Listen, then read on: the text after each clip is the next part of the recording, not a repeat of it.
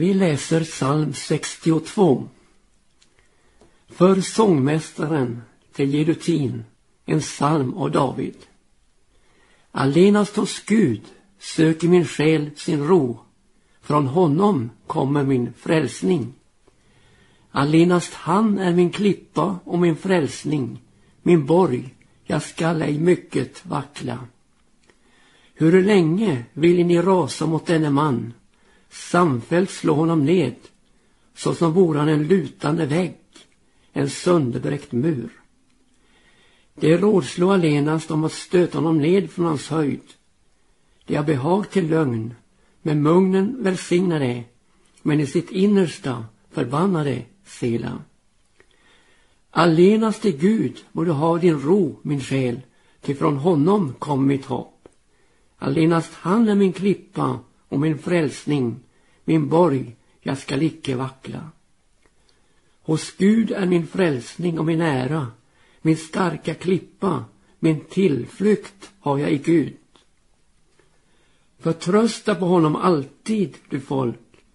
Utgjuten för honom edra hjärtan. Gud är vår tillflykt, Sela.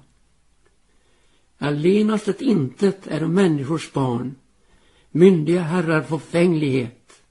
I vågskålen är de förlätta, mindre än ett intet är de allesammans. Förliten är det icke på orätt vinning, sätter ni icke ett fåfängligt hopp till rov. Om och i det rikedom växer, så akten icke därpå. En gång har Gud sagt det, ja två gånger har jag hört det, att hos Gud är makten. Hos dig, Herre, är nåd, till det vedergäller var och en efter hans gärningar. Allenast hos Gud söker min själ sin ro. Själens oro må tas på största allvar. Och ska det till en lösning på själslivets område, ja då finns det ett enda ställe, nämligen hos Gud. Som har makten. Gud har lagt in ett instrument i människans inre, samvetet. Vi vet hur det verkar. Första gången man överträder varningssignalen så blir det ett enormt utslag. Nästa gång man gör detsamma, överträder, så blir det ett något mindre utslag. Och sen för varje gång man gör samma sak så blir det mindre och mindre varningssignal. Och till sist så har samvetet tystnat. Därför behöver samvetet en riktare och det är Guds ord som är verksamt i den som tror. Jag läser från Hebreerbrevet 4 och 12. Ty Guds ord är levande och kraftigt och skarpare än något tvegat svärd och tränger igenom så att det åtskiljer själ och ande, märg och ben och det är en domare över hjärtats uppsåt och tankar. Här har vi riktaren, Guds levande ord som alltid är pålitligt. Och du ser att det är en domare över hjärtats uppsåt och tankar. I vår tid talas det mycket om dåligt samvete. Bibeln däremot talar om ett ont eller gott samvete. Samvetet har som andra bibliska uttryck fått en försvagning i vårt språkbruk. Och det rör sig då i vår, i vår uppfattning om eh, allting förutom det det egentligen gäller nämligen vårt förhållande till Gud. Det dåliga samvetet, det som är gängse här och nu i tiden, det har sitt inflytande från tidsanden. Tidsanden bestämmer alltså vad som är rätt och vad som är fel. Men det instrument som Gud lagt ner i varje människas liv, samvetet, det har sitt ursprung i Guds ord. Det är det som avgör vad som är rätt och vad som är fel. Och det allvarliga är att ett samhälle med tidsanden, ja, det samhället har ingen samvetsfrihet. Man nekas att följa sitt samvete och ska istället följa det som är politiskt korrekt just nu. Men ett samhälle där samvetsfrihet är utestängd, där leder det obönhörligt till diktatur i det långa loppet. Jag tar med från andra världskriget. Då bödlarna ställdes till svar. Vad sa de? Vi följde bara order. Ja, så är det när samvetet inte får påverka besluten. Alltså har samvetet en oerhörd betydelse. Det onda samvetet, där varningssignalerna har gjort sig påminda, behöver rening. Och den reningen sker genom Jesu blod, hans fullkomliga offer på Golgata. Gamla förbundets gudstjänstliv med rening genom offer, djuroffer, förde inte till en rening efter samvetets krav. Men här, med Jesus, där har vi en helt annan situation. Och jag vill läsa från Hebreerbrevet. Den eh, nionde kapitel och fjortonde vers. Hur mycket mer skall icke Kristi blod, då han nu genom evig ande har framburit sig själv såsom ett felfritt offer åt Gud, rena vårt sam våra samveten från döda gärningar till att tjäna den levande guden. Du ser alltså att här finns en fullkomlig samvetsrening i Jesu blod. När man kommer till Jesus så vill man ju efterfölja honom. Och då får man döpas till Kristus. Och det innebär att man anropar Gud om ett gott samvete i kraft av Jesu Kristi uppståndelse från de döda. Dopet är en begravning av det gamla och ett uppstigande till det nya. Men det förutsätter tro på Jesus. För den som tror och bliver döpt ska bli frälst. Ingen människa har klarat att gå ren genom livet. Alla har syndat och saknar härligheten från Gud. Det ligger inte i vandrarens makt att själv styra sina steg. Utan vi behöver ledning i livet. Jesaja 53 och 6 uttrycker det så klart. Vi gingo alla vilse såsom får. Var och en av oss ville vandra sin egen väg. Men Herren lät allas vår missgärning drabba honom. Ja, det var det som hände när Jesus tog vår synd i sin kropp upp på korset. Det heter så underbart om Jesus i första Petrus brevs andra kapitel och jag läser från 21 versen. Ty därtill är ni kallade då ju Kristus själv led för er och efterlämnade åt er en förebild på det att ni skulle följa honom och vandra i hans fotspår. Han hade ingen synd gjort och intet svek fanns i hans mun. När han blev smädad smädade han inte igen och när han led hotade han inte utan överlämnade sin sak åt honom som dömer rättvist. Och våra synder bar han i sin kropp på korsets trä för att vi skulle dö bort ifrån synderna och leva för rättfärdigheten. Och genom hans sår har vi blivit helade. Ty gingen alla vilse såsom får, men nu har ni vänt om till era själars herde och vårdare. Ja, det finns en underbar själens herde och vårdare i Jesus. För det är uppenbart, vet du, att själen, själslivet, behöver den här omvårdnaden.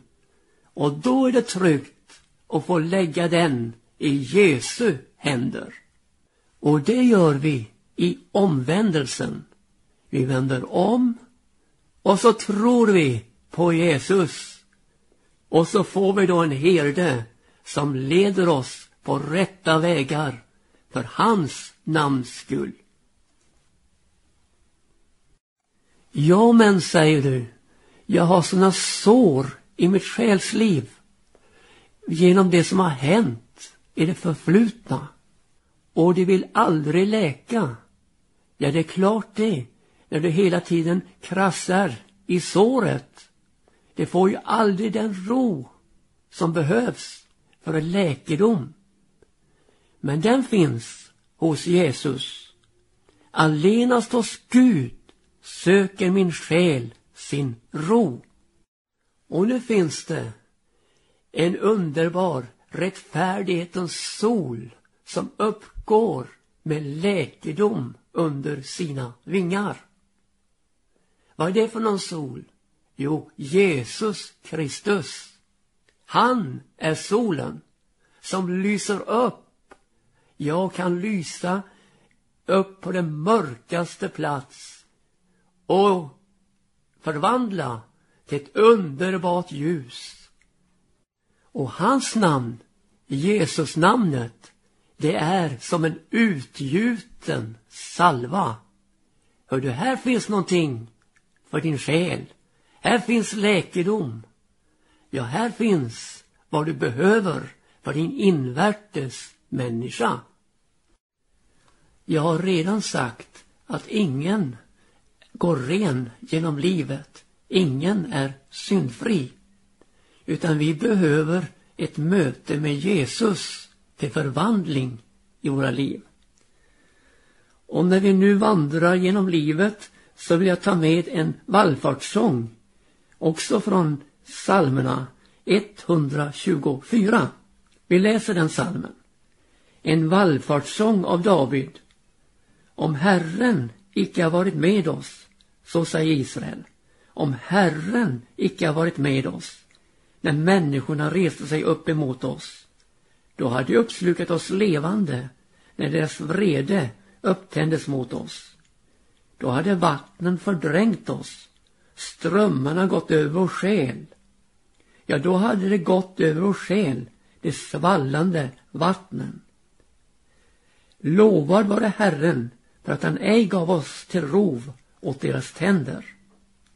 Vår själ kom undan såsom en fågel ur fågelfängarens snara. Snaran gick sönder och vi kom undan. Vår hjälp är i Herrens namn, han som har gjort himmel och jord. Ja, vår situation var ju den att vi hade hamnat i orättfärdighetens bojor, i fågelfängarens snara. Och där satt vi ohjälpligt fast. Men så skedde undret. Hur så? Jo, snaran gick sönder och vi kom undan. För tidigare, vet du, då hade vi fångats och vi, de vingar vi skulle ha som skulle lyfta, som skulle bära oss. Ja, de var ju fastnaglade i snaran. De satt fast och var till ingen nytta. Men, tack och lov, så gick snaran sönder och vi kom undan och vingarna började att bära. Ja, så är det att bli frälst. Om vi återgår till psalm 62 så möter oss där då att allenaste Gud söker min själ sin ro. Alltså själens sökande får sitt svar i Gud. Och så heter det, från honom kommer min frälsning. Ja, från honom kommer min frälsning. De svallande vågorna i vår själs inre som hotade att fördränka oss läggs till ro med mötet med Jesus. Det var han som sa Kom till mig, ni alla som arbetar och är betungade, så ska jag ge er ro. Ta på er mitt ok och lär av mig, ty jag är saktmodig och ödmjuk i hjärtat. Så ska ni finna ro för era själar. Till mitt ok är milt och min börda är lätt. Ja, vid Jesus finner själen sin verkliga ro. Det gäller alltså om att komma till honom. Så har vi de märkliga orden från salmen om den lutande väggen och den sönderbräckta muren. Jag läser då den tredje versen i psalm 62. Hur länge vill ni rasa mot denne man? Samfällt slår de ned, såsom vore han en lutande vägg, en sönderbräckt mur. Ja, vårt liv utan Jesus var som den här lutande väggen. Det var bara frågan om tid innan det hela skulle störta samman.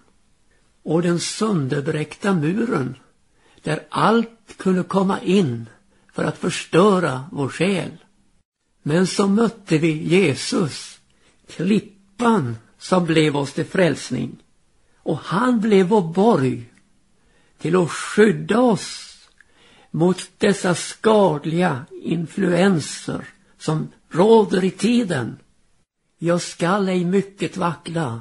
Nej du, lutningen rätades upp och risken för att falla och störtas samman minimerades vid mötet med Jesus. Gud har inte tänkt att vi ska gå genom livet med en söndertrasslat själsliv. Därför har han tagit sig an den gamla människan med hennes gärningar. Och genom att placera den gamla människan på korset. Idag så vill man borra i det förflutna. Och jag anar liksom att man gör det för att kunna lägga skulden på andra. Ja, gärna på sina föräldrar. Men du har din själ i din hand och är ansvarig för ditt liv. Du vet när man borrar i för exempel Grönlandsisen eller i berg så kan man se avlagringar från tider som har varit. Och på det sättet gör man nu när man borrar i identiteten i människan. Men jag är övertygad om att Gud sätter punkt för det gamla och ny mening för det nya. Det gamla är förgånget och se, något nytt har kommit. Vi har fått träda in i ett fullbordat försoningsverk där Jesu blod renar från all synd. Vi behöver inte pejla ner i eh, vår innersta värld. Utan vi får se på Jesus, trons hövding och fullkomnare. På honom som istället för att ta den glädje som låg framför honom utstod korsets lidande och aktade smäleken för intet. Ja, på honom må vi tänka så att vi icke tröttnar och uppges i våra själar. Hör du, hur viktigt är det inte för oss att lyfta vår blick och se på Jesus. Han ja, trons hövding, trons fullkomnare. Han som inte kommer ihåg våra synder och överträdelser men placerat dem i glömskans hav. Och som någon uttryckt, i glömskans hav är det fiske förbjudet.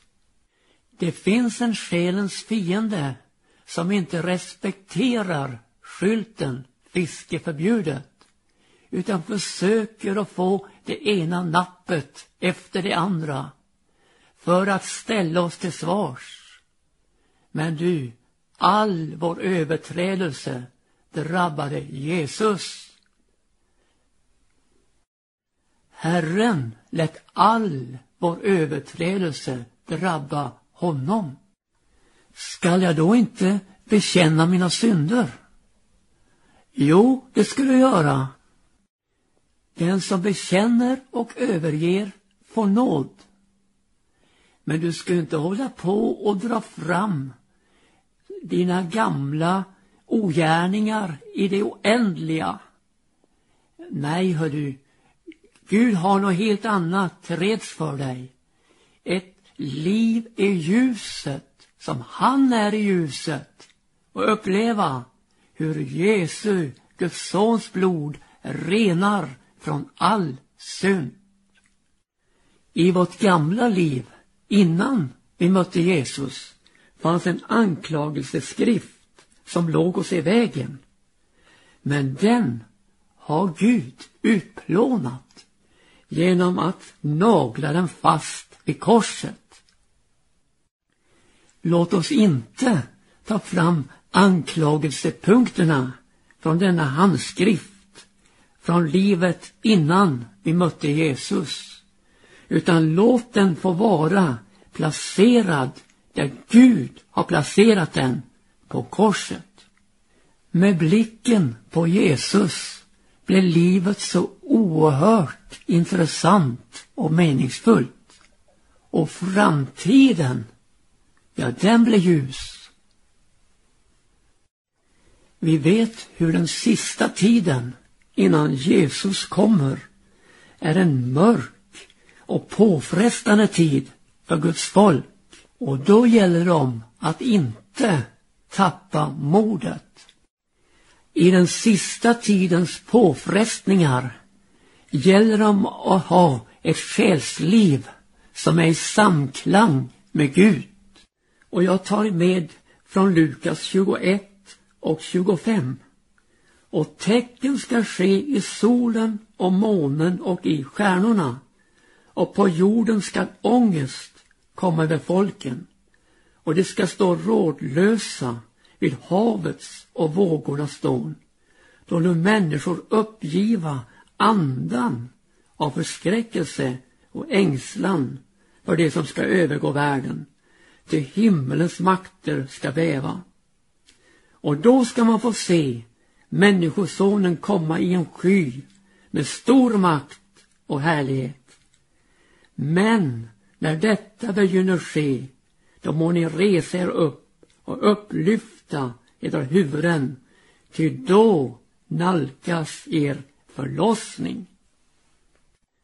Vi får inte böja oss ner över tidens vedervärdigheter och liksom eh, fastna i detta skeende.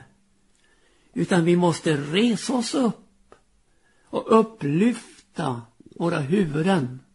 För vet du, det nalkas nu underbart förlossningen då Jesus kommer och vi ska få lyftas honom till mötes på skyn för att för alltid få vara hos Herren så får vi luft under vingarna och kan förflytta oss efter Guds vilja i de sista dagarna som vi lever här på denna jord innan Jesus kommer.